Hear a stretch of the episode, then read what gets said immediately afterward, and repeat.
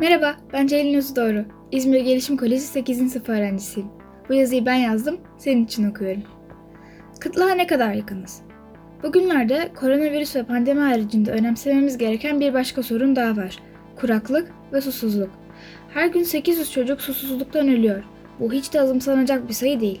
Afrika'da genç yaşlı demeden herkes korkunç sıcağın altında kilometrelerce yol yürüyerek içinde kolera, hepatit A, gine kurdu, dizanteri, tifo gibi ölümcül hastalıklara yakalanmaları neden olacak bakteriler bulunduran suya ulaşmaya çalışıyorlar. Aslında Türkiye'de bu görüntülerden sadece 11 yıl, hatta daha az uzaklıkta.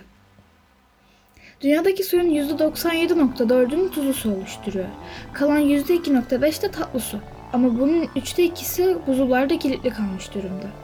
Tatlı suyun %0.5'i ise dereler, nehirler, göller, yeraltı suyu, tarımsal, endüstriyel sulama ve kişisel kullanım için. Dünya Sağlık Örgütü'ne göre dünyadaki tüm suyun sadece %0.007'si tüketime uygun.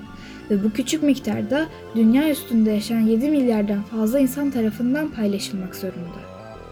Üstelik bu veriler 2014'te elde edilen veriler.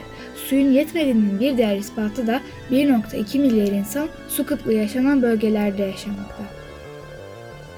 Bu yüzden susadım dediğimiz anda suya ulaşabildiğimiz için çok şanslıyız. Son 100 yılda dünya nüfusu 3 katına çıktı.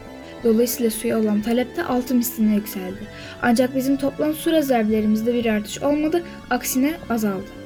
Yıllar içinde yeme alışkanlıklarımız da değişti ve insanlar daha fazla et yemeye başladı. Bildiğiniz üzere yediğimiz yiyeceklerde de su var. 1 kilogram buğday yetiştirmek için 1300 litre, 1 kilogram pirinç yetiştirmek için 3400 litre suya ihtiyaç duyulurken 1 kilogram sığır eti elde etmek için 15500 litre su gerekiyor. Nüfus ve et tüketimindeki artışın 2050'ye kadar iki katına çıkması bekleniyor. Bu oranla 2030'da su için toplam talep mevcut küresel talebin %40'ını aşacak. Burada yine söylemeliyim ki bu oranlar her şey normalken hesaplanmış. Artık evlerimizdeyiz ve her alanda tüketimimiz arttı. Şehirleşme ve sanayileşme de tatlı su rezervleri üzerinde büyük baskı oluşturur. Endüstriyel faaliyet küresel su tüketiminin yaklaşık %20'sini oluşturuyor. Giyim ve elektronik aletlerimizden elektrik üretimine kadar her şey çok miktarda su gerektiriyor ve bu süreçte endüstriyel atık su suyumuzu kirleten su yollarına boşaltılıyor. Peki bu kara tablodan sonra gelin neler yapılıyor ona bir bakalım. Yenilikçi şirketler su kıtlığını hafifletmeye, su kalitesini artırmaya yardımcı olabilecek ve bu değerli kaynağın daha verimli kullanılabilmesine olanak sağlayan çözümler geliştiriyor. Örneğin mikrodamlama ile sulama gibi teknolojileri benimseyerek bazı bölgelerde yeraltı sularını tüketen tarım toplam su tüketiminin %70'ini oluşturmaktadır. Çiftçiler mahsullerini yetiştirmek için kullandıkları su miktarını bu teknolojilerle %70 ila %80'e kadar önemli ölçüde azaltabilmektedirler. Dünya üstünde bu felaketi önlemek için bir tek bunlar mı yapılmalı? Tabii ki hayır. Bizim de tek başımıza yapabileceğimiz tonla şey var. Üstelik hepsi de birbirinden kolay. Sadece biraz dikkatli olmak gerekiyor. Hemen bunlardan bahsedeyim. Tıraş olurken, diş fırçalarken açık bıraktığımız musluktan 18 litre su boşa akıyor. Bu musluğu kapattığımızda ise haftalık 504 su şişesi suyu tasarruf ediyoruz. Kısa duşlar alıp banyoda çok kalmadığımızda ise 45 litre suyu tasarruf ediyoruz.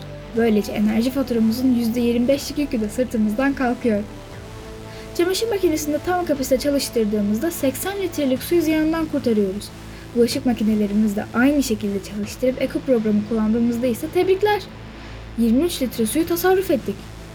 Bir de şu damlatan muslukları onardık mı günde 50 litre, yılda 5500 litre suyu boşa akıtmamış oluyoruz. İnanılmaz ama bu miktar 5,5 itfaiye aracındaki suya eşit. Peki yağmur yağdığında ne yapacağız? O suyu da kullanacağız. Yağmur suyunu toplayıp ki genellikle borular yardımıyla yapılıyor. Bu suyla arabamızı yıkayıp bahçemizi, çiçeklerimizi sulayabiliriz. Hazır sulama demişken bu işi de hortumla değil sulama kabıyla yaptığımızda suyu boş akmaktan yine kurtarıyoruz. Bir de sulamayı sabahın erken saatlerinde ya da güneş batarken yapmak buharlaşmayı azaltacağından yine su tasarrufu ediyoruz. Bütçemizden de baya bir yük kalkıyor. Bunlar gibi yapabileceğimiz o kadar çok şey var ki. Sadece biraz araştırma yapıp üstüne düşünmemiz gerekiyor. Peki bütün bunlar iyi güzel de bir tek bizim yapmamız neyi değiştirecek? Eğer insanları bu konularda uyarırsak, sor- sosyal sorumluluk projelerine destek verip katılırsak insanlar da bilinçlenecek. Herkes evinde bu gibi yöntemleri uygularsa o zaman hepimiz litrelerce suyu tasarruf etmiş, bütçelerimizin yükünü azaltmış ve doğa için çok büyük bir adım atmış oluruz. Bireysel hareket toplumsal harekete dönüşür. O yüzden şu söz çok doğru. Bir kişi bir kişidir. Herkes kendi kapısının önünü temiz tutarsa mahalle temiz kalır. Artık ne yapacağımızı biliyoruz. Öyleyse neden şimdi harekete geçmiyoruz?